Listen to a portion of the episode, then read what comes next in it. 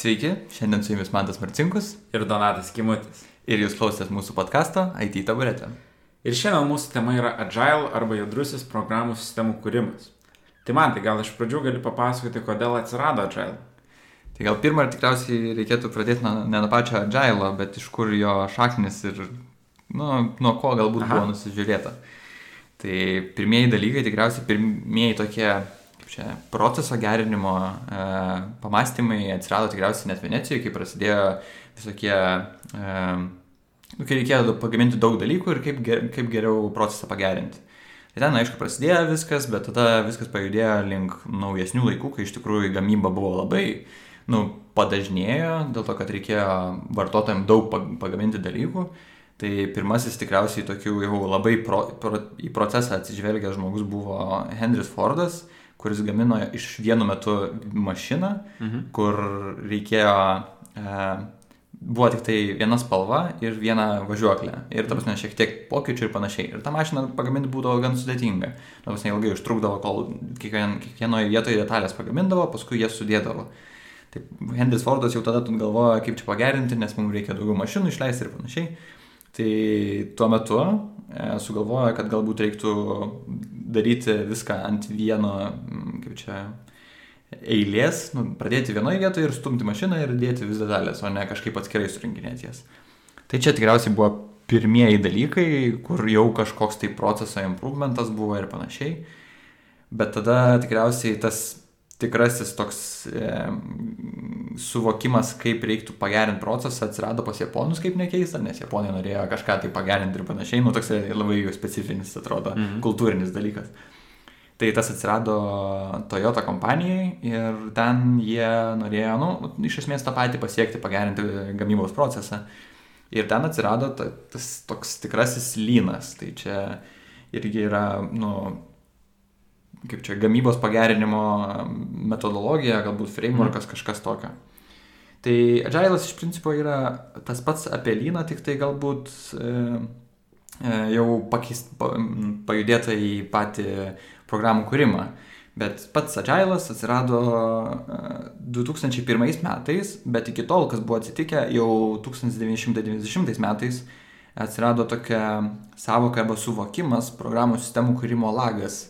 Tai kai programuotojai dirbdavo jau kūrė programinę įrangą ir pamatė, kad kažkokią programą arba kažką tai pagaminti reikia apie trejų metų. Tai reiškia, susirenka reikalavimus, ko mums reikia, pradedam daryti ir galų gale išleidžiam į rinką. Ir per tos tris metus, žinant, kaip technologijos jau tada judėjo greitai, labai greitai dingo, tiksliau, atsirado noras suprasti, kada jau gaminam. Ir tada, kaip čia, minties lyderiai su, suprato, kad, e, nu, programų sistemų kūrimo, suprato, kad, nu, problematiška yra waterfall dirbti, ar ale klasikinių projektų valdymo. Apie ką dar pakalbėsim? Jo, jo. Tai suprato, kad yra blogai ir 2001 metais susirinko ir parašė tokį Agile manifestą. Iš tikrųjų, apie ką yra tikriausiai Agile'as. Mhm. Manifestas ten susideda šiaip iš keturių punktų ir turi ten 12 principų, man atrodo. Tai aš manau, kad mums galbūt, e, galbūt reiktų juos padengti. Galim peržiūrėti, galim peržiūrėti vis keturis. Ir pasakyti savo nuomonę maždaug. Kaip, tu, kaip, nu, tos, kaip kas ką vertina pagal mane. Tai... Tai pirmasis punktas, tada aš galiu jį pristatyti. Jisai sako tai, kad Agile programų kūrimo metodologija žmonės ir jų bendravimą vertina labiau nei procesus ir įrankius. Tai, tai ką manai man tai apie tai? Man, šiaip, man asmeniškai šiaip tas, šitas punktas tikriausiai nu, labai artimas atrodo. Na, aš dabar galvoju, kad e, šiaip visi punktai ten galų galėte bus artimi arba suvokimi taip kaip praktiški ir pragmatiški, bet nu, atrodo, kad nu, labai svarbu yra darbas su žmonėm, nes man asmeniškai dirbant savo komandai labai tas pag, vienas pagrindinių varomųjų variklių tikriausiai yra, kad su žmonėm, kai ben, dirbu ir bendrauju, tai man daug daugiau naudos atneša nei bandyti, vat, pavyzdžiui, naudoti, vat, gerinti procesus, kad mes vis geriau kažką tai išstumtume ir panašiai. Mhm. Nes manau, kad gera komanda surinkta gali padaryti daug daugiau nei geras procesas surinktas. Bent jau man taip atrodo, bet čia gal tiesiog iš, išaugintas esu ant agilo ir ant skramų ir panašiai, tai toks, dėl to toks išališkas šitoje vietoje, aišku. Kaip tu, ką tu galvoji? Jo, tai aš sutinku ir šiaip čia yra ganėtinai universalus punktas, apie kurį galima šnekėti. E, dėl to, kad turbūt e, didžiojo daugumoje sričių galima pritaikyti tai, jog žmonės motivuoti, ypač žmonės, e, kurie nori kažką padaryti ir pasiekti, jie padarys daug daugiau nei tie žmonės, kurie turi visus fancy įrankius ir, mm. ir, ir visus tos procesus, bet jie nelabai nori tą daryti. Tai čia turbūt, nu, bent jau aš interpretuoju šitą tą Aha. punktą būtent va taip, jog žmonės turi būti motivuoti ir džailas ir žiūri būtent į tai, jog žmonės, nu, būtų tokie. Mhm. Tai gerai, tada einam prie antro. Tai mhm. veikiančią programinę įrangą vertinam labiau nei išsame dokumentaciją. Mhm. Taip, tai Agilas šitą sako ir, ir ką tai reiškia, tai reiškia, e, ir čia turbūt dar pamatysim, kai kalbėsim toliau apie, apie, tas, apie tos metodus, kurie implementuoja Agilą ir apie mm. tą tradicinį e, programų kūrimo būdą ir ne tik programų kūrimo, bet Agilo būdu tau nereikia turėti dokumentacijos e, pradinės, tam, tos labai didelės e, galutinio produkto tam, kad galėtum pradėti dirbti. Mm. Ir aš sutinku su šitų punktų, bet jis mane šiek tiek ir trigerina e, dėl to, kad e, tokiu atveju tada labai sudėtinga yra gauti tą dokumentaciją. Nes iš esmės, nu, ką... Kažkas turi sėdėti ir rašyti paskui po to, kai jo, tai, išleistas produktas. Tai vat, dažniausiai įmonė susivoja, kad, o, blamba, neturim dokumentacijos. Tai ir tada jau samdosi žmonės, kurie tą veikiantį produktą aprašinėja, kaip jis veikia, nes nu, labai sudėtinga būna e, tada padaryti kažkokius pakeitimus, nes nelabai yra aišku, kaip prieš tai veikia kodas. Mhm. Ir dažniausiai tą dokumentaciją geriausiai žino vos ne kad programuotojai, dėl to, kad jie gali pasižiūrėti kodą ir pasakyti, kaip tai veikia. Tai va, tai būtent šitas punktas man toks yra dviejopas, aš su juo ir sutinku, bet yra jame ir minusų šiokių. Na nu, čia reikia pabrėžti, e, kad šita šitas manifestas yra apie tai, kad, nu, jie patys rašo iš tikrųjų manifestą pačiam, jeigu atsidarysit agilemanifesto.com ar kažkas tai panašaus, .org, man atrodo, nesvarbu, nu, žodžiu. Tai ten jie parašė yra labai aiškiai, kad yra nu, šitie keturi punktai ir apačioje yra parašyta aiškiai, kad mes iš tikrųjų vertinam, nu, labai, kad mums svarbu ir matom svarbesnius pirmus tos dalykus, Mhm. Bet visi kiti irgi yra svarbus, tai reiškia, kad jų nebūtų, ne, negalima užmiršti, nes jeigu mhm. užmirši dokumentaciją, įsivaizduoju, kad nu, jeigu pas mus ateitų kolega į komandą, tai nu, tada būtų viskas žodžiu perdodama, kas yra labai jo. pavojinga. Žinant tokius dalykus, kaip dažnai IT naudojamas bus factor, tai yra tas dalykas, kai jeigu visą komandą neš autobusas, kas atsitinks tavo produktui. Mm. Tai toks taip išėjai. Komandiruotės kris ir... Ups. e, bet tarp kitko, jeigu irgi pasižiūrėsit, e, tie, kas klausot, e, kokie yra e, trūkumai agile, tai turbūt vienas iš trūkumų ir yra paminėtas apie dokumentaciją, nes dokumentacija gali būti, e, jos ne, yra neprivaloma rašyti ir gali būti šiek tiek primiršta, tai mm. čia yra vienas iš tokių šiaip minusų turbūt. Taip, taip. Gerai, tai galim tada judėti prie trečiojo punkto ir trečiasis punktas sako, jog bendradarbiavimą su klientu vertina labiau nei darybas dėl kontraktų. Ką galėtum apie tai pasakyti man? Nu, čia galbūt tik tai iš patirties, kiek man atrodo, kiek aš esu susidūręs, tai, nu, čia yra dvi tokios labai skirtingos, nu, čia atrodo, kad lygina su tuo tradiciniu, e, tradiciniu projektų valdymo modeliu, mhm. e, Waterfall ar Whatmod. Tai dėl to, kad e, kas būna prarandama, jeigu tu nebendrauji su klientu ir nebandai jo įtraukti. Tai tu pradedi iš pradžių apsirašai kažką tai su klientu tariesi ilgai, ką mums reikia padaryti ir paskui tu nukeliauji daryti tą ir paskui galų gale gauni dalyką, kur ten liktais buvo viskas sutarta, šiaip viskas išpildyta yra, bet nu, klientas ne to nori, ne taip atrodo tie dalykai. Tai tas bendradarbiavimas klientui yra labai svarbus dėl to, kad nu, reikia sužinoti iš tikrųjų nuoširdžiai, ko jam reikia, nes jūs iš tikrųjų kartu dirbat. Nu, čia toksai šiaip logiškas yra, kad tu klientas ir tas, kuris daro, tai nu, jie iš tikrųjų bendrai daro, nes abiem yra gerai iš to. Mhm. Tai tas siekimybė tokia turėtų būti.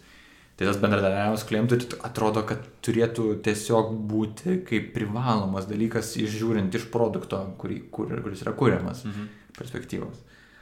Tai aš čia atrodo, kad tiesiog tas nei dėrybos dėl kontrakto galbūt, nu, čia labai tas tikriausiai atsiliepia į 2000 metus, kai buvo labai skausminga, kai dėrėdavos, nu, čia, aš įsivaizduoju, kad ir dabar yra skausminga, kai yra derimasi dėl kontrakto valstybinėse tikriausiai, kad labai ilgai užtrunka tie dalykai ir dažniausiai tas skaudu yra. Nu, laiko prasme, kai reikia mm. projektą iš tikrųjų daryti, o ne sėdėti prie stalo ir bandyti ten skaičiukus lyginti kažkoks. Mm. Kad, tipo, biški daugiau nuleiskit, padidinkit ir panašiai. Tai atrodo taip nelabai. Jo, man šitas punktas net šiek tiek ryšasi ir su pirmu, kur teigiama, jog žmonės ir jų bendravimą vertina labiau nei procesus ir įrankius. Ir tas bendravimas su klientu yra itin svarbus, sakyčiau, šio laikiniam IT pasaulyje, kadangi jau seniai turbūt yra pamiršti tie etapai, kai yra sutariamas metų projektas ir tada po metų susitinkama apžiūrėti, kaip gavas. Turbūt taip. Turbūt taip. Tai, tai čia aš pristatysiu galbūt pavyzdį, kurį galėsim vėliau panaudoti apie namą statybą. E, tai, tai ir turbūt ši, bent jau man šitas pavyzdys yra natūraliausias, kad e, jeigu aš kaip žmogus noriu pasistatyti namą, tai aš turbūt jau pats nestatysiu ir prašysiu kažkokios statybų kompanijos, kad pastatytų. Nu, bet aš turbūt ten būsiu įsitraukęs ir aš ne tik dėl to kontrakto susitarsiu, bet ir vis atvyksiu pasižiūrėti, pasižiūrėti kaip pam, pamatų sekėsi išpilti, galbūt man statybų įmonė pasiūlys kažkokių patarimų mm. duos ir, ir galbūt galiausiai tas produktas gausis daug geresnis, negu aš iš pradžių tikėjausi. Arba galbūt vidury proceso aš suprasiu, kad tai, kas buvo aprašyta specifikacijoje ir paveiksliukuose, ką aš mačiau, jo, nėra tai, ko aš iš tikrųjų noriu ir, taip, ir aš taip. turėsiu progą tai pakeisti, negu tuo atveju, jog aš susitikčiau tik tai po metų, kai jau namas pupso ten. Atvažiuoja ir grybo formas, toks namukas. tai būtų jokinga. Tai judam prie kito. Judam. Uh, tada, kad paskutinis, ketvirtas yra reagavimas į pokyčius labiau nei plano, vertinamas labiau nei plano vykdymas yra. Jo, tai manau, kad labai svarbus punktas ir, ir jisai jau vienas iš plokė iš agile žodžio ir judriosios metodologijos, tai uh, Tai Džailas būtent tai ir sako, jog reikia sugebėti sureaguoti į pokyčius e, pasikeitusius iš kliento ir nesvarbu, jog tai planą šiek tiek pastums e, tolėliau. Mhm. E, bet kadangi ir vėl čia reikia žiūrėti atgal į tos punktus, kadangi klientas yra įtrauktas, turbūt jisai pats ir prašo tą planą redaguoti ir būti šiek tiek lankstesniems. Ir, ir vat, kai, ką ir pakalbėsim, jog vat, būtent Ačiailas ir skatina tą iteratyvumą ir kažkokio nu, minimalaus mm. veikiančio produkto pristatymą yeah. tavo klientui. Tai aš manau, kad šitas punktas yra labai svarbus ir jis yra labai plačiai naudojamas. Aš negaliu nesutikti, čia yra tikriausiai vienas iš pagrindinių apibrėžiančių tikriausiai tą patį Agilą e, punktų ir vienas svarbiausių. Kuris man tai tau, nu, tai jau aptarėm visus, a, kuris tau yra arčiausiai prie širdies. Man tai, kaip ir sakiau, pradžioj atrodo žmonės ir jų bendravimas, nes man tai darbas apie tai ir yra iš tikrųjų, tas darbas su žmonėm. Aš rašau kodą, taip, bet man pirmų pirmiausia tai yra darbas su žmonėm. Mhm. Tau?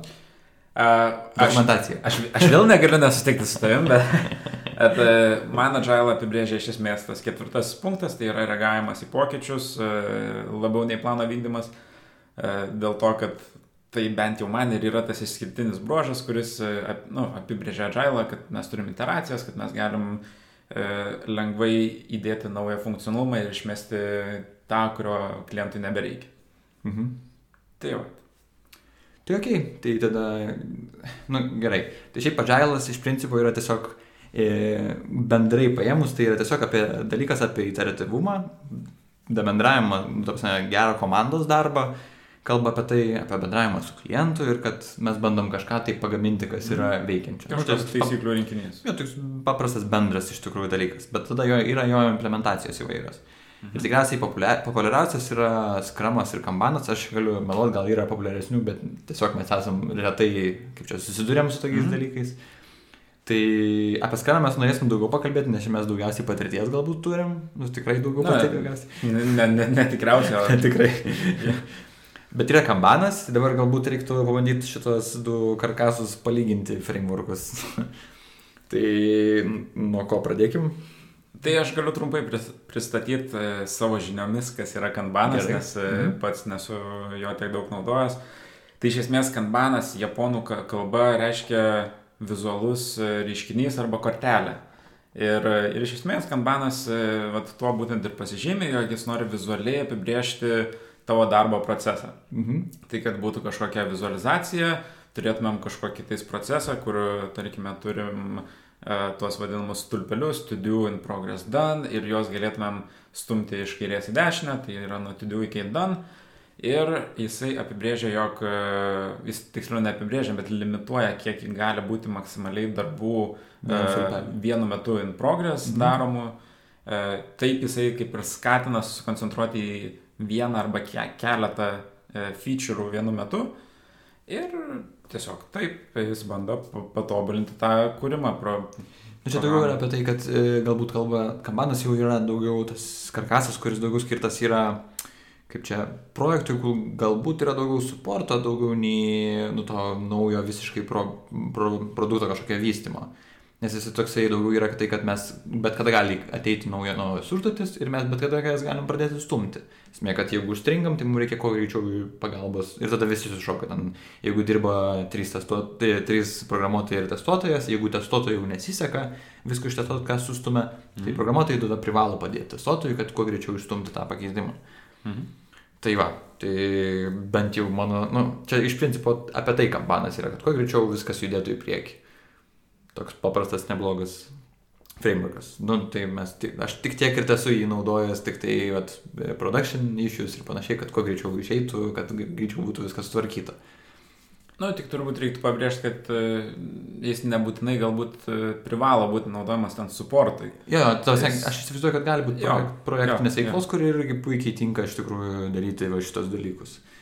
Kažkokie maži featureai, kažkas tai projektas vystosi greitai. Čia labai galbūt jis, šiaip jis įsivaizduoja, kad kampanijas labai gerai turėtų tikti, kur yra continuous delivery dalykas. Tai yra, kad mes, nu, kad galima deployint kas 15 minučių arba dar, dar net dažniau, kai tik atsiranda feature'as, tai kambanas atrodo labai teisingas, jeigu norim išpušinti, tai greitai išpušini ir jis jau yra production, kas atrodo toksai nu, vat, legit cases iš tikrųjų, kur tau nereikia planuoti release ar panašiai. Mhm. Tai va, tai dabar tada gal apie skramą. Skramas yra šiek tiek kitoks. Skramas žodis ateina iš e, regbio žaidimo, kai komandos susirenka ir ten tarėsi, kaip dabar žais. Scrum Huddle. Jo. Taip. Tai va, tai noriu tu vasakoti, ar man pradėti? Tai geriau aš pradėtų papildysi tada. Gerai. Tai iš esmės, e, jo, kaip Mantas ir sakė, Scrumas yra viena iš Agile implementacijų. Ir kuo Scrumas e, bent jau man yra išskirtinis e, nuo kitų tų implementacijų, tai savo iteratyvumu. Tai yra, jog komandos e, dirba sprintais, yra kažkokia tais apibriešta ilgio sprintai, dviejų ar trijų savaičių. Ir yra visos tos skramo ceremonijos vadinamos, apie kurias mes irgi pakalbėsim dar. Nes pakankamai artefaktai, svarbios. Taip, taip, pakankamai svarbus. Tai gal nuo pirmo pradžioj, nuo pačio didžiausio, kas tas per daiktas yra, apie kurį Aha. Tai pirmasis yra, nu, pats didžiausias, apie ką mes kalbam, tai yra produkto backlogas arba, nu, Darbų sąrašas. Darbų sąrašas, bet čia jau toks produkto lygio, reiškia didžiulis. Tai produkto sąraše iš principo yra dalykai, kurie atsigulia kaip užduotis, didelės, plačios ir jos atsiduria iš produktų ownerio, tikriausiai nuo produkto savininko arba net ir iš kliento gali būti potencialiai. Nu čia jau kaip susidėlioja visas kliento ryšys ir panašiai. Ir realiai ten jos gyvena, jos turėtų būti jau kažkiek tai, ap, nu, galbūt iš- suplanuotas jau priklauso nuo labai nuo kompanijos, kurioje mm. dirbi, tai gali būti, kad jeigu turit kažkokį kokį nors e, verslo analitikų, kurie tos dalykus gali pas, išsiaiškinti, kaip turėtų veikti dalykai arba ką turėtų padaryti programuotojai. Gali būti, kad nėra tokių žmonių, tai reiškia, kad programuotojai patys sėdės ir aiškinsis, kaip reikia šitą dabar pagerinti. Vargšai žmonės. Jo, tai man atrodo, šiaip tai bendraja prasme tikriausiai yra įvertinami jie kažkiek labai taip abstrakčiai, kol dar neėjom į sprintą, šiek tiek, kad būtų dydis bent jau aiškus, kas per velniai jie yra, kokio dydžio. Bet daugiau man, ar kas nors dar yra apie backlogą. Dar prioritetai yra. Tuose prioritetų sąraše stumdo produkto owneris tikriausiai pakelia kiek įmanoma aukščiau, ką norėtų, kad būtų greičiau padaryti dalykai. Ne, daugiau turbūt nieko nereikėtų pridurti. Mhm. Mhm. Tai tada žemesnis lygis, tai gal apie sprintus. Tai jau čia užsiminiai, kad jie tokio lygio yra. Mhm. Jo, tai apie sprinto backlogą Ir apie patį sprintą, tai kaip ir sakiau, sprintas turbūt e, Agile'as rekomenduoja 2-3 arba 4 savaitės, neilgiau, tam, kad išlaikyti tą e, lankstumą ir mhm. Ir e, kai turime jau tą produkto backlog arba bendrąjį darbų sąrašą, tai tada norim turėti kažkokį ir sprinto sąrašą darbų, kad, kaip ir Agile'as sako, mes norime po kiekvienos iteracijos turėti veikiantį E, produktą su kažkokiu papildytu funkcionalumu. Tai čia sprinto esmė ir yra kažkokį turėti jau rezultatą, ką galima panaudoti arba parodyti kažkam. Jo, tai jeigu taip labai abstrakčiai žiūrint tą namo statymo pavyzdį, mhm. tai Tai iš esmės mums reikia pamatų, reikia sienų, reikia langų ir reikia stogo. Tai čia produkto backlogio dalykai sukritę. Čia būtų produkto backlogas, kur yra jau pilnas tas darbų sąrašas, o tada sprinto backlogas, jeigu e, statybų įmonė į tai žiūri, e, turėtų būti turbūt pirmas į, išpilti pamatus. Ir tai galbūt netgi tai turėtų būti skaidama į du etapus, į du sprintus, jeigu šitas darbas trunka ilgiau nei vieną sprintą. Mhm. Tai va, ir, ir į sprintą backlogą e, darbus turbūt sudeda irgi savininkas arba tas produkt owneris vadinamas ir jos e, jam suteikia prioritetą.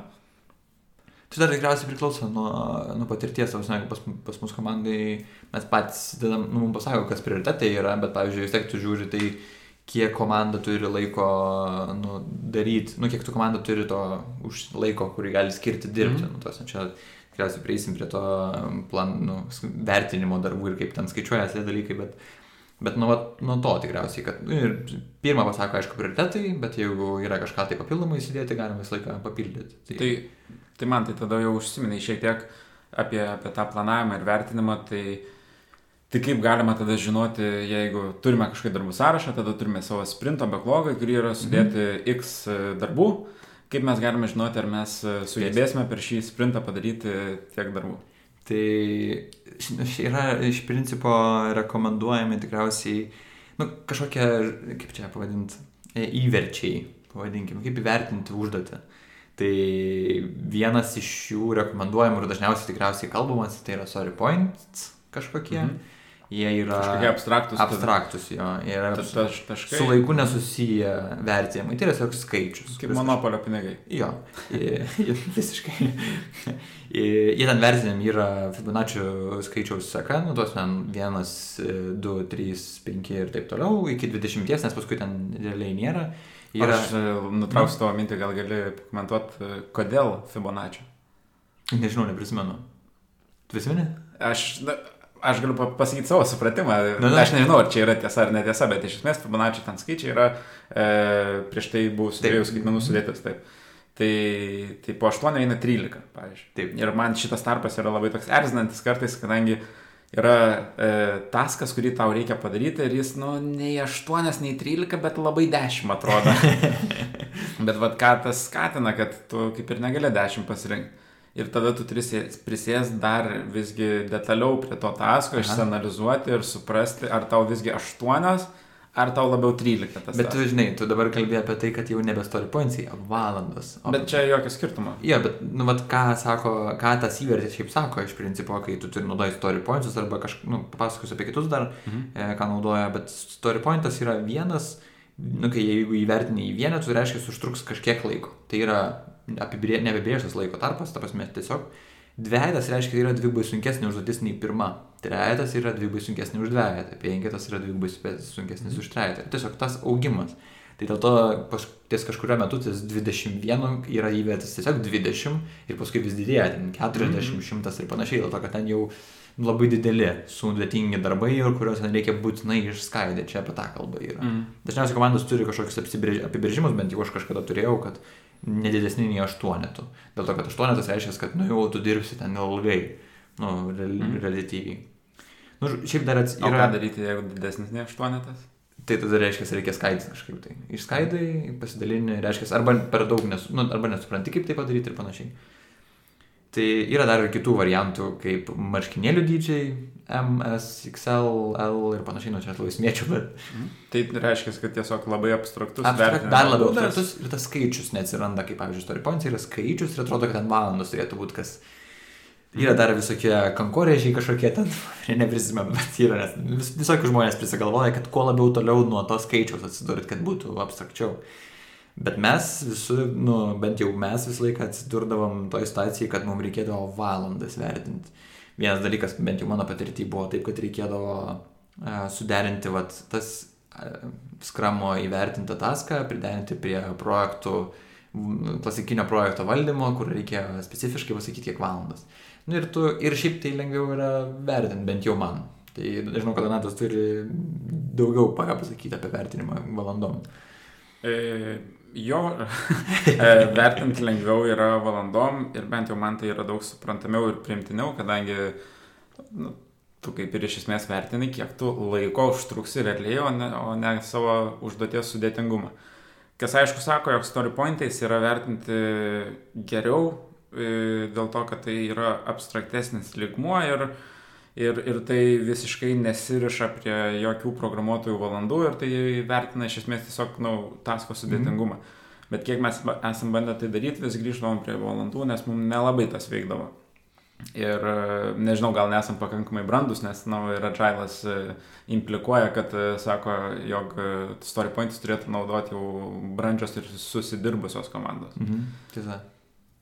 Tai va. E, tai apie įverčius turbūt tiek, bet tada pats planavimo procesas. Galim turbūt irgi šiek tiek pa, pakomentuoti, kaip man tai jūs planuojate pasakyti. Patį blogiausią. nu, mes planuojam, mes iš tikrųjų planuojam labai paprastu principu. Mes jau šiaip gan gerai, vad ką Donatas sakė, kad komandas jau galėtų gerai susidirbusios paimti ir planuoti story points ir tiesiog net derint prie valandų. Tai mes tiesiog nusprendžiam, kad mes padarysim tam tikrą kiekį darbo ir mes padarom.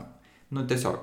Bet tas padarimas yra dėl to, kad mes esame praktiškai pareigoti, dėl to, kad mes visą laiką, nu, esame, mūsų komanda dirba su API'ais ir mes esame šiek tiek prieki truputėlį prieš visus. Nes mes jau kitą sprintą turim būti paruošę API'us, kad kitos komandos galėtų integruoti su mumis. Tai mes visą laiką truputį biškai bėgam į priekį, dėl to mums, mums nelabai yra, nu, pasakysim, kad nespėjam. Tai tada visi aplinkui stot turi. Arba kažkas atidėti, arba kažką. Tai, nu, labai daug darbo atsiranda staiga, kad reikia ten užkamšyti skylės, kurios, nu, turėjo mm. būti ir jų ten nėra. Tai dėl to mes tiesiog nelabai vertinam. Bet seniau tai, tausme, nu gerai, tai pats planavimas, kaip pas mus vyksta, tai šiaip tai bendrai tas procesas, tai, tai vertinimo nebūna, bet būna, e, kad pradedam susėdam realiai, pasižiūrim, kas mums atrodo ir realu, ką mes galim padaryti. Yra dalykai, kur labai mes taip vertinam maždaug pavojingumo lygmenių. Tai reiškia, kad gali nepaaiškėti dalykai ir gali būti, kad nespėsim padaryti. Tai nespėsim padaryti reiškia, kad nu, tikrai atidėsim, nu, bus dar kitam sprintui, nu, tuos darysim per du sprintus. Bet jeigu yra kažkas tai su rizika, kad mes nežinosim arba negausim iš trečios šalies, kad mums padarys, tai čia irgi rizikinga, o visą kitą, ką mes patys galim pasidaryti, nu tai padarysim tikriausiai. Čia toks daugiau įvertis pasitikėjimo savim. Mhm. Šiaip sėkmingai kol kas važiuojam visai. Yra dalykų, kur iš tikrųjų labai stipriai prasišaunam su va tokiais e, nu, spėjimais, kad padarysim ir būna, kad nepadarom. Tai bet čia susigyveni, tada vyksta kiti kitos ceremonijos skramo, kad išsiaiškint, kas per velniai čia buvo ir panašiai. Nu, bet planavimas taip vyksta, pas mus komandai, šiaip, bet apie bendrą jūs darot panašiai, kaip e, bendram, nu kaip... Jo, šiaip tai aš galiu mhm. labai glaustai ir trumpai pabandyti e, papasakoti, kaip mes darom planavimą, tai mūsų planavimas yra e, šiek tiek detalesnis nei kad man tas pasakojo, jie daro, mes vertinam visgi valandom ir žiūrim savo, savo greitį, kokį, kokį turim greitį ir ką reiškia tas greitis. Tai yra e, iš esmės negreitis, atsiprašau, capacity. kiek kapacitis, taip, kiek mes turim e, sprintą laiko, tai čia dar vienas dalykas, apie kurį galima plėtotis, bet turbūt nesiplėtosim. Nu, gal minėt būtų verta, nes e, tai, nu gerai, tęsk. Jo, iš, iš esmės jo, kad e, mes vertinam, jog vienas žmogus per dieną gali padaryti penkias darbo valandas ir e, nedaugiau.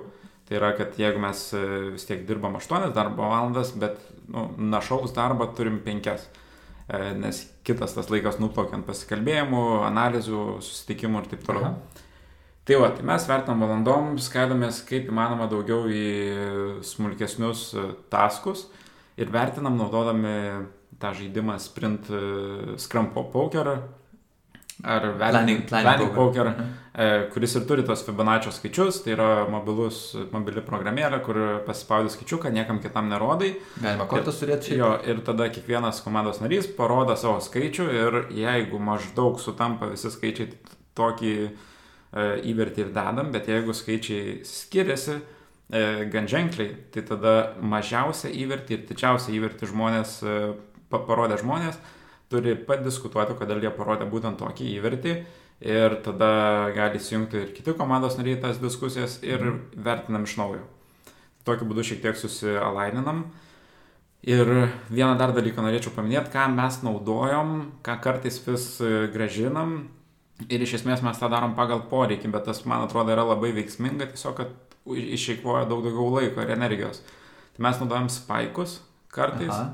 O spaikai ką reiškia, kad e, kai va turim tą sprinto backlogą, tai kiekvienas, tarkim, programuotojas pasiema po e, du storius, po tos du didesnius gabaliukus iš sprinto backlogo ir skiria dvi valandas jiems išsianalizuoti, pasižiūrėti kodą, ką reikės e, padaryti, su kokiais galimais iššūkiais bus susidurta ir taip toliau. Ir tada vat, jau tikrojo planavimo metu jis žino šitus dalykus, jisai pristato, ką rado ir jau jisai kūruoja šito, šito storio e, skaidimą į subtaskus, vertinimą ir taip toliau, bet tą vertinimą jis vis tiek e, pokeris, Aha. bet, e, bet jisai tiesiog gali jau detaliau papasakoti.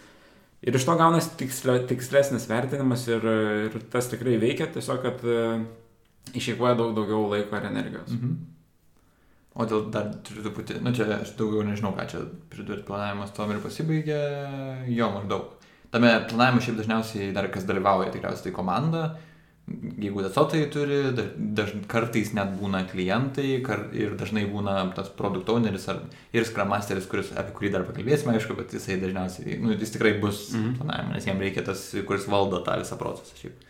Taip. Tai ką aš dar galiu pa pasakyti, kad planavimas, kai vyksta, tai iš esmės nuo ko viskas prasideda, tai kad arba tas vadinamasis produkt owneris, arba analitikas, kuris yra paruošęs reikalavimus, atlieka tą vadinamą į kick-offą. Tai jisai pristato Pristato. reikalavimus ir tada jau programuotojai eina e, analizuotis. Tai pas mus bent jau komandai visada yra įtraukiami testuotojai, visada kai nepamirštam. e, ir, ir mes ką dar vieną dalyką darom, kas mums visai veikia, tai tada prieš patį jau tą pasižadėjimą, ką padarysim per šitą sprintą, tai tą komitą, e, mes pakviečiam anal analitiką ir e, product ownerį Mhm. e, padaryti kick-offą jiems. Tai iš esmės programuotojai daro kick-offą jiems ir pristato, kaip jie suprato tuos reikalavimus ir ką reikės padaryti. Tai, tai šitas irgi visai veikia, nes kartas nuo karto prisigaunam, kad interpretuojam kitaip dalykus, Mhm. mhm. negu, negu pavyzdžiui, product owneris. Ir, ir tai visai padeda surasti anksčiau tas problemas ateities. Čia kaip per e, įtemptą planavimo laikotarpį, kadangi ilgai užtrunka šiai planavimas, nebūna, kad ten sėdi per 15 minučių ir pagalvoji, kas bus, pavargsti biškiai ir biškiai taip prasileidi kartais dalykų. Jo. Tai Donatas šiaip paminėjo dalykus, kur mes irgi taikom ir kikofus darom, ir komitus darom, ir pačius planavimus darom, ką mes iš tikrųjų darom, bet tik tai pas mus vienintelis didesnis skirtumas, ko gero, yra tai, kad e, nu, mes skaičiukų neturim ką pasakyti. Mhm. Tiesiog darysim arba darysim. Tai gerai, tai tada, e, nežinau, e, tikriausiai apie lentą truputį galbūt. Bet e, dar prieš einant apie lentą, Aha. o jūs darot komitus, tuos pasižadėjimus? Jo, jo, komitus darom, taip. Tai gal gali trumpai ir papasakot, ką reiškia tas komitas ir kam to reikia? Nu tai komitas jau pradėjo vienas dalykas, jūs padarot, pasako, ai, nu gerai, komitas iš tikrųjų reiškia, kad mes paplanavom ir mes supratom tam tikrus dalykus. Vienas dalykas mes galim padaryti, spėsim padaryti ir yra dalykai, kurie gali būti spėti arba nespėti. Ir tada, tu aišku, tą, tą dalyką sakai savo produktoneriui, sakai, nu ar jums tinka šitas dalykas, kad mes va tik tiek padarysim. Mhm. Nes mes matom, kad mūsų capacities, tarkim, čia aš jau hiperbolizuoju, nes mes sakom, kad mes viską padarysim ir tiesiog pasiemam, jeigu reiks prisidėsim. Nu, tipo, nes Mhm. šiaip tai gan lankstus e, skramas ir agilas iš principo yra toksai. Šiaip neturėtų ateit, nu, bet čia, čia nu, nuplauk galima labai greitai į kitą pusę. tai jo, taip tada pristatai, pasakai ir darom ir viskas. Tai čia toks ir yra, nu, pasižadėjimas, kad mes šitą padarysim.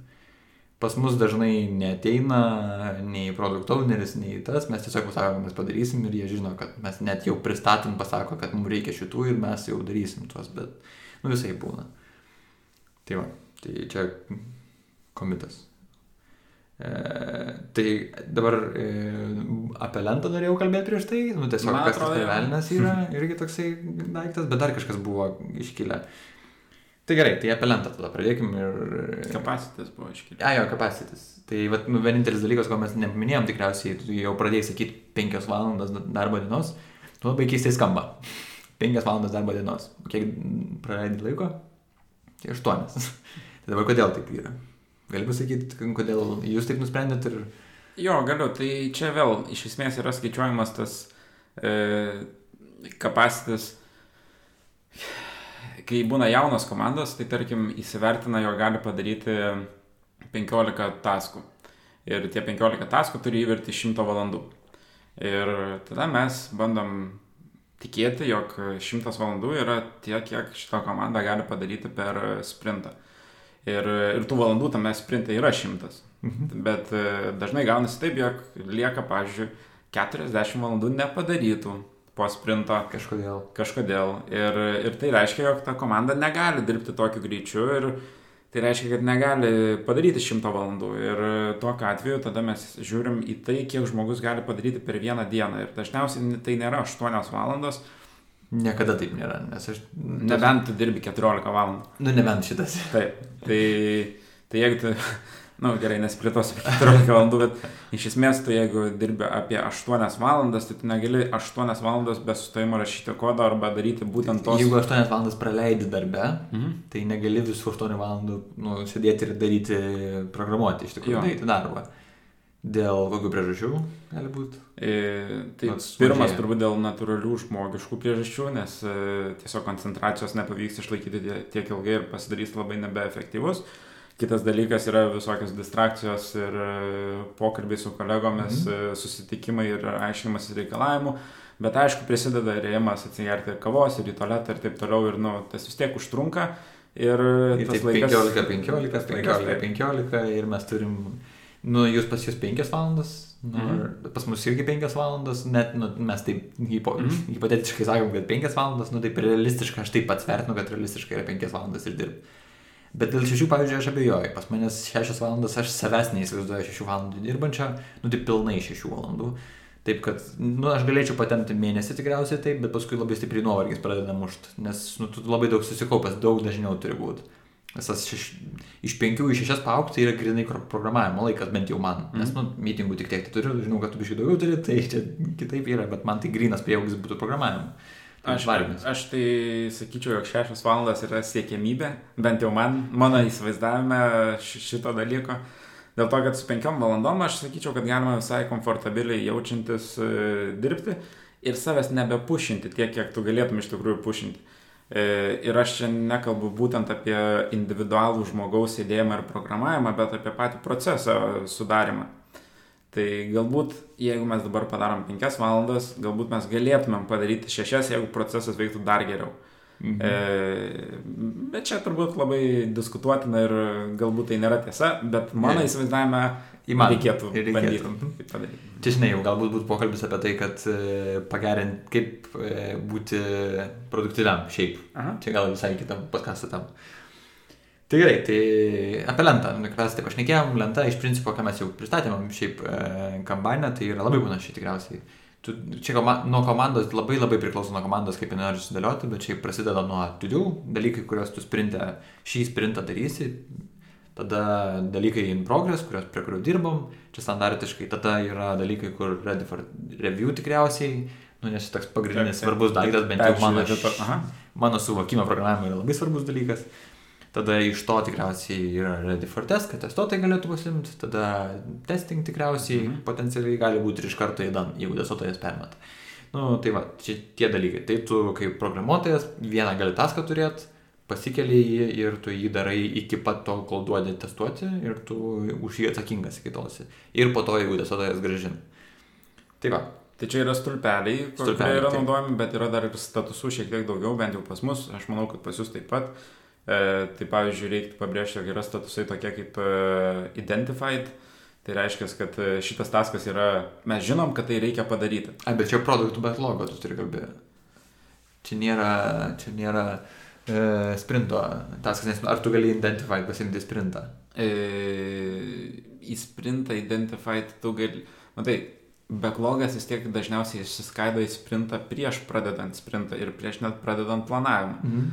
Tai dažniausiai bent jau pas mus, tai business e, analitikas susideda tuos taskus, storius į sekantį sprintą ir jie būna identified. Tada, kai jis juos pradeda jau kurti jiems reikalavimus, tada jis tampa in analysis, tai reiškia analizuojamas ir tada galiausiai jis patampa į statuso tech review, kas reiškia, kad turi techninis žmogus peržiūrėti, ar nėra pamiršta kažkokios informacijos pridėti ir taip toliau. Ir tada jis patampa Ready for development. Ready for development. Ir tada jau jis ale gali būti planuojamas. Aha, nu tai va, tai čia tikriausiai pirmas tas ateimas iki real, realaus sprinto būtų. Jo. Nu, tai ir va. dar vienas yra labai svarbus taskas, labai, nu, nes taskas, statusas, kurį noriu pamiršti, tai yra waiting. nes šiaip jis labai praverčia bent jau mums, e, kadangi Aha. dažnai yra užsiblokuojama dėl vienų ar kitų priežasčių, negalima kažko padaryti ir to tasko nesinori gražinti į to-do, nes e, jau yra kažkiek padaryta darba, tai tiesiog uždedamas statusas waiting. Mhm. Ir su waiting yra visada taisyklė, kad jeigu taskas yra waiting, tai privalo būti komentaras, kodėl jis yra tokio statuso ir jeigu per x dienų e, nepasikeičia statusas, mhm. tada jau yra žiūrima, kodėl nėra naujos informacijos ar kažko. Mhm. Cool. Geras. Tai tada galbūt, nu čia apie patį dėliojimą, planavimą pakalbėjom, tai dabar galbūt apie tas ceremonijas truputį. Tai gal nori pradėti nuo stand-upų? E, noriu ir pradėsiu. Taip, stand-upai e, dabar negaliu jau neįkišti vieno bairą, nes e, ėjo vienas mano kolega, Algirdas, tvarkytis telefono, kurį yra išdavęs e, Danske. Aha. Ir nuėjo, tvarkosi ir mato, kad vėluoja stand-upą ir sako, gal galima greičiau, nes aš į stand-upą vėluoju arba aš ateisiu vėliau e, pasimti. Tai tas žmogus sako, jį taip pasižiūrėjo, tokia šypsenėlė tokia išmetė. Tai ką anegdotus pasakosi? tai va, tai, bet ne, nepasakojam anegdotų per stand-upus ir stand-upai iš esmės yra kasdieniniai arba kaip komandoms veikia, bet dažniausiai kasdieniniai susitikimai, kurie trunka apie 15 minučių ir per kuriuos kiekvienas komandos narys pasisako, ką darė vakar, e, ką darys šiandien, su kokiais sunkumais susidūrė galbūt nebūtinai vien tik darbinėme gyvenime. Ir pas mus bent jau irgi dažna praktika yra, jog pereiname per sprinto backlogą ir pažiūrime, kaip mums sekasi. Mhm. Šiaip turbūt per stand-upus, jeigu taip teoriškai žiūrint, tai dažnai komandos turėtų naudoti ir burn down chartus. E, taip, tai yra grafikėlis, kiek buvo suplanuota valandų ir kiek dabar jau yra likę, e, bet mes to nenaudojam nes pas mus definition of done yra šiek tiek e, kitoks.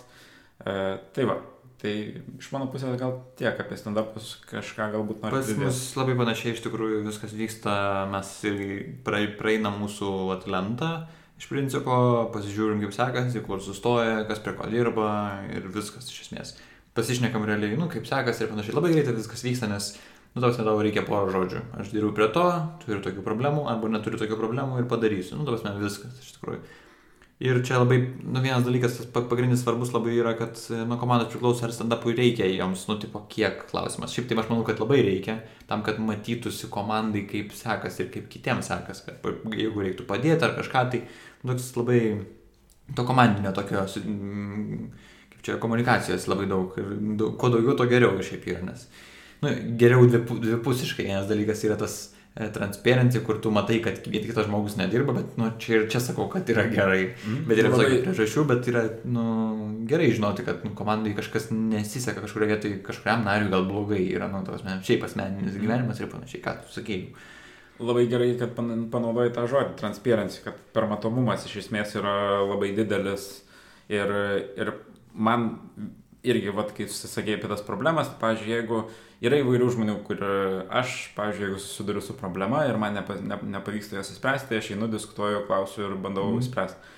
Bet yra visokių žmonių, kurie galbūt e, tam sugaišta per daug laiko. Tai stand-upo pagalba e, tu sugaiši, užtruksi ilgiausiai turbūt dieną, iki kol pasisakysi, kad, e, nu, turi kažkokią problemą, vietoj galbūt savaitės, kurią tu testum ir... Temptum, temptum, temptum. Jo, ir galės sprinto pasakytum, nu, sorry, kad jau nebepadarysiu nieko. Viską išbandžiau. Tai va. Tai va, stand-upai pakankamai svarbu, jo. Mhm. Tada turbūt kita ceremonija, jeigu jau galim Jo, prie jos perėti. Tai yra retrospektyva ir aš žinau, kad man tas labai mėgsta retrospektyvas, tai galbūt gali papasakoti apie jas ir kaip jūs darot. Tai retrospektyvas iš principo, man jos tikrai labai patinka, tos čia pagrindinis dalykas yra tikriausiai, kuris man iš visų šitų visų ceremonijų ir artefaktų skrame, tai man atrodo pats svarbiausias, bet čia mano asmeninė nuomonė. Dėl to, kad šiaip tai tra tradiciškai tikriausiai ir apibrėžime retrospektyva yra apie pagerinimą šito skram proceso. Prasme, kad kuo geriau žmonėm būtų dirbti kartu ir kaip ten stumdyti taskus, nu, kad kažkas tai buvo užstrigimai, problemas, ten yra visokių žaidimų, piešti saulutės, dėlioti ten e, do, don't, stop ir ten start ir whatever, Mhm. visokių tokių dalykų, ten galima viską daryti anonimiškai, galima atvirai daryti.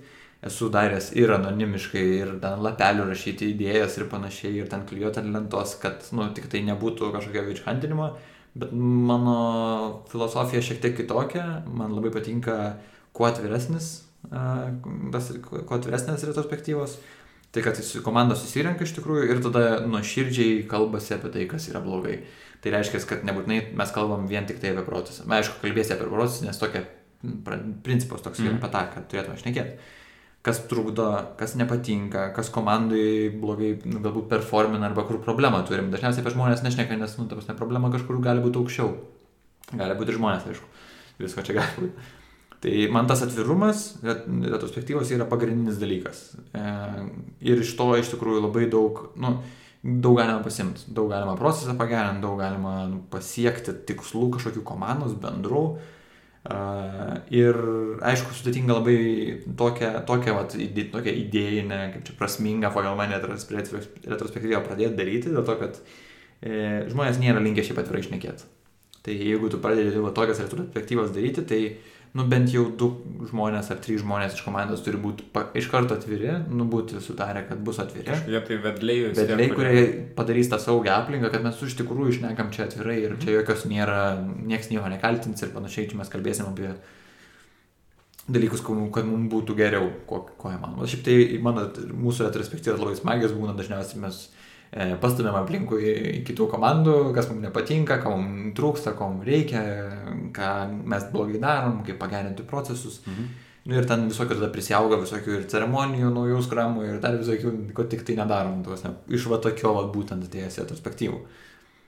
Tai va, tai pas mus retrospektyvos man patinka ir aš labai hyped visą laiką esu, jeigu jos vyksta, tai įdomiausias dalykas tikriausiai. Tai aš vienintelį turbūt dalyką, ką norėčiau pridėti, ir čia gal nebūtinai vien tik prie retrospektyvų, bet vienas iš dalykų, kuriuo, kuriuos aš supratau pradėjęs dirbti su Danais, e, kad būtina ir reikia visada pabrėžti ne tik blogus, bet ir gerus dalykus. tai retrospektyva irgi yra vieta tą padaryti, tai jeigu kažkas buvo gerai, tai tą irgi reikia pabrėžti ir pasidžiaugti ir pašvesti to, dėl to. Taip, taip, taip. Ne, čia tikrai, Jo, nes... absoliučiai tiesa, ta prasme, tikrai reikia džiaugtis. Taip. Mes lietuviai esame linkę šiaip pamiršti, džiaugtis, mes esame skūstis linkę. Tai va, tai, nu ir tos, tokios ne paskutinė, bent jau, kiek esame užsirašę ceremoniją, tai demo, ir čia įdomus dalykas yra, aš asmeniškai esu keletą kartų daręs demo, tai nelabai ten, gal tu kaip nors, tu nori sakyti, aš, nes Kadangi mūsų laikas tiek eina į pabaigą, tai aš galiu labai trumpai pasakyti apie demo, jog demo teoriškai yra, uh, ką Agilas vėlgi pasikartosiu, Agilas yra itera, iteratyvumą ir kažkokio nu, pro, veikiančio produkto uh, sukūrimą per tas 2, 3 ar 4 savaitės, tai tą sprintą vadinamai. Ir po tų dviejų, trijų ar keturių savaičių reikia parodyti demonstraciją produkto owneriui arba kažkokiam asmeniui, kuris uh, nori tai pamatyti, veikiančios aplikacijos ar veikiančio produkto su tais naujais papildymais ir kad žmogus pamatytų ir suprastų, ar čia jam taip, kaip įsivaizdavo ar ne. taip, Tai mes to dažnai nedarom, kartai šiaip darom ir dabartiniam darbe, kai susirenka visos komandos ir pristato, ką padarė per... Ne tik klientai, bet ir vidui. Taip, kad parodytų. E, tiesiog turbūt mūsų dabartinio e, darbo specifika yra šiek tiek kitokia ir mes nedarom demo, kadangi darom tokį šiek tiek vidinį labiau produktą ir tie produkt owneriai ir biznio analitikai, kurie kaip ir kūrė reikalavimus, jie prasispaudo tą sistemą ir testavimo metu. Mm -hmm. e, tai, tai galbūt dėl to tos demo labai ir nereikia. Ir tada galbūt e, paskutinį dalyką, kurį, nu, galbūt ne visiškai paskutinį, bet e, apie skramą.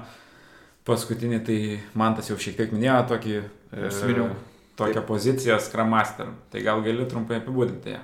Tai Scrum Masteris, aš manau, kad Čia labai priklauso e, nuo komandos, bet šiaip skramasteris yra tas žmogus, kuris realiai facilituoja arba padeda komandai, kad jinai gerai dirbtų tame procese, kurį susikūrė. Tai reiškia ir jį gerinti, ir žiūrėti, kur kas stringa, ir būti iš esmės tas kėtis, kuris, e, pavyzdžiui, kalbasi, jeigu yra problemų komandai, tai jis bus tas žmogus, kuris eis su ta žinia. Ne komanda eis, bet tas skramasteris eis su kitais skramasteriais kalbėti, arba su produkt owneriu, nu, jisai būna tas tarpinė, pavadinkim taip. Jis rūpinos komandą, nu kaip kokia tėtis, mama ar kažkas tokio.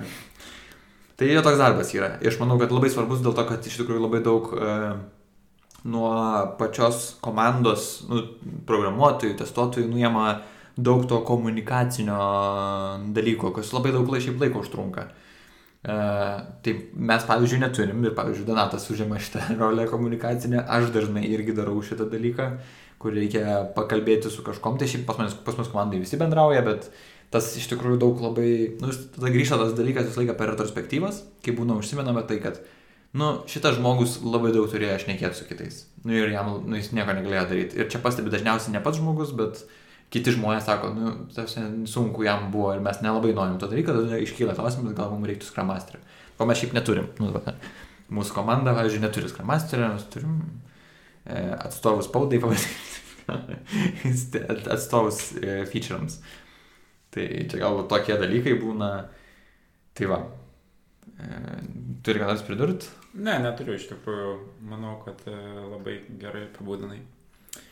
Tai va. Vat pasidžiaugiau, kad man tas labai gerai apibūdina. Tai dar vieną dalyką, ką norėjau pasakyti ir tikriausiai pamiršom, tai skramas yra dalykas, kuris, nu, jis turi ap, ap, aprašymą kažkokį, nu, bendrinį tą tradicinį, nu, kas ten turėtų būti. Ten, pavyzdžiui, tokių dalykų kaip, e, nežinau, tikriausiai, e, kikofai arba ten e, komitai, pavyzdžiui, nėra. Šiaip čia yra naujos kažkokios, nu, čia mes naudojam tos dalykus, mes matom naudą juose, bet šiaip ten tokių dalykų. Komitas biurocija yra. Yra komitas? Gali būti. Aš nelabai prisimenu. Nu, žodžiu, bet yra sąrašas dalykų, kuriuos reiktų daryti Bet šitas dalykas yra, nu, jeigu tu pradedi, nu, pradedi komandai taikyti skramą, tai jisai yra naudingas, nu, pasižiūrėti, kas tau tinka. Bet šiaip komanda paskui labai labai stipriai mm, skiriasi, ta prasme, pradeda greit divergent arba nukrypti nuo to skramo standartinio prie to, kas labai tinka. Jie gali daryti stand-upus kas dvi dienas, pavyzdžiui, kas tris dienas, gali retrospektyvos būti, nebūti iš viso, demo, pavyzdžiui, negali, gali nebūti, nes mes, pavyzdžiui, nedarom demo, nu, dažnai kartais mm -hmm. darom. E, ir viso kito dalyko. Pavyzdžiui, mes nekalbėjome apie definition of done, bet dėl to, kad mes jo tiesiog nu, nelabai ir darom, nu, tos ne, jisai ne, neegzistuoja per daug nu, padarytas dalykas iš tos veiksmos. Kažkoks common sense. Common sense, taip. Tai čia tiesiog jis lankstus dalykas, nėra kažkoks set rules. Tai va, ir tada šiek tiek kalbėjom jau, ir kadangi visiškai artėjom į pabaigą, tai labai greitai e, papasakosime, kas yra tas waterfallinis. E, procesas ir e, programų kūrimo būdas.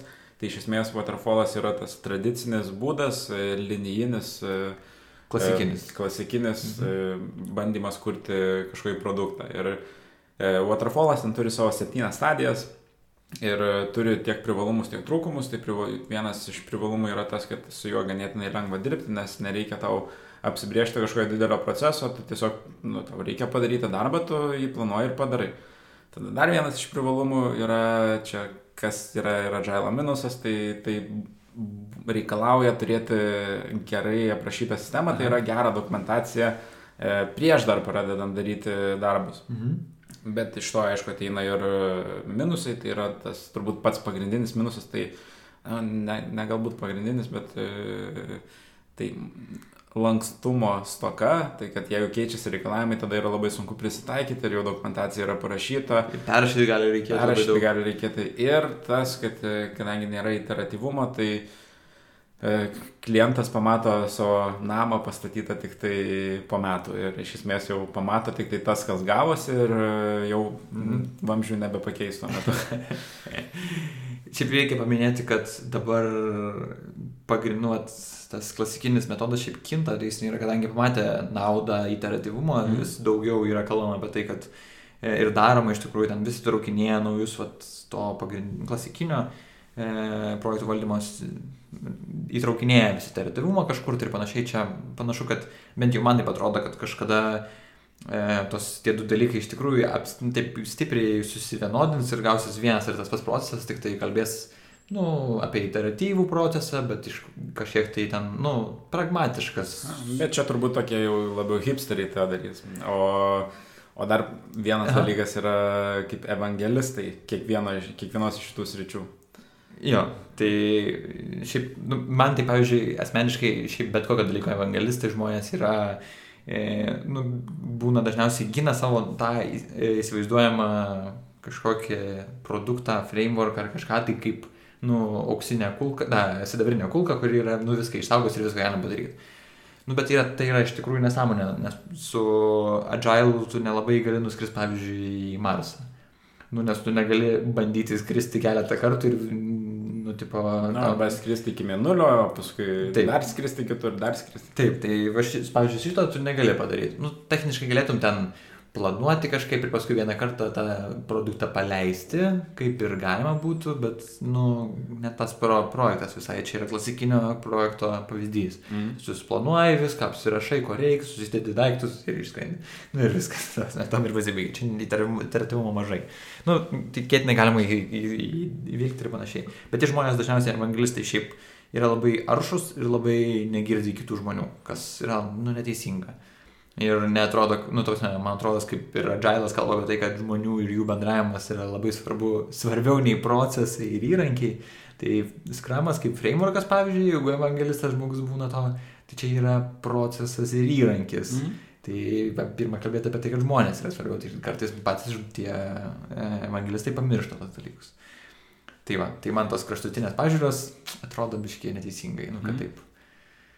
Jo, ir tada prieš atsisveikinant turbūt norėčiau pasakyti, e, ir čia turbūt tiesiog perfrazuosiu, ką man tas pasakė, tai kad nėra tobulo metodo ar tobulo e, proceso, kaip kurti kažkokį produktą ar programinę įrangą. Ir jeigu jūs naudojat tą patį skramą ar, ar kanbaną ar, ar waterfallą, e, tai nėra nei blogai, nei gerai. Ir atsiminkit, kad jį reiktų naudoti taip, kaip jums jisai veikia, o ne kad bandyti veikti pagal tą procesą. Tai nebūkite tais evangelistais ir bandykit pritaikyti kiekvieną tą metodą taip, kaip jums būtų geriausia ir efektyviausia. Tai tada ačiū Jums, kad klausėte podcastą. Jei patiko, ką girdėjote, prenumeruokite, komentuokit ir ačiū už Jūsų paramą. Čia buvo Donatas Kimutis. Ir Mantas Marcinkus. Ačiū ir iki pasimatymo. Iki.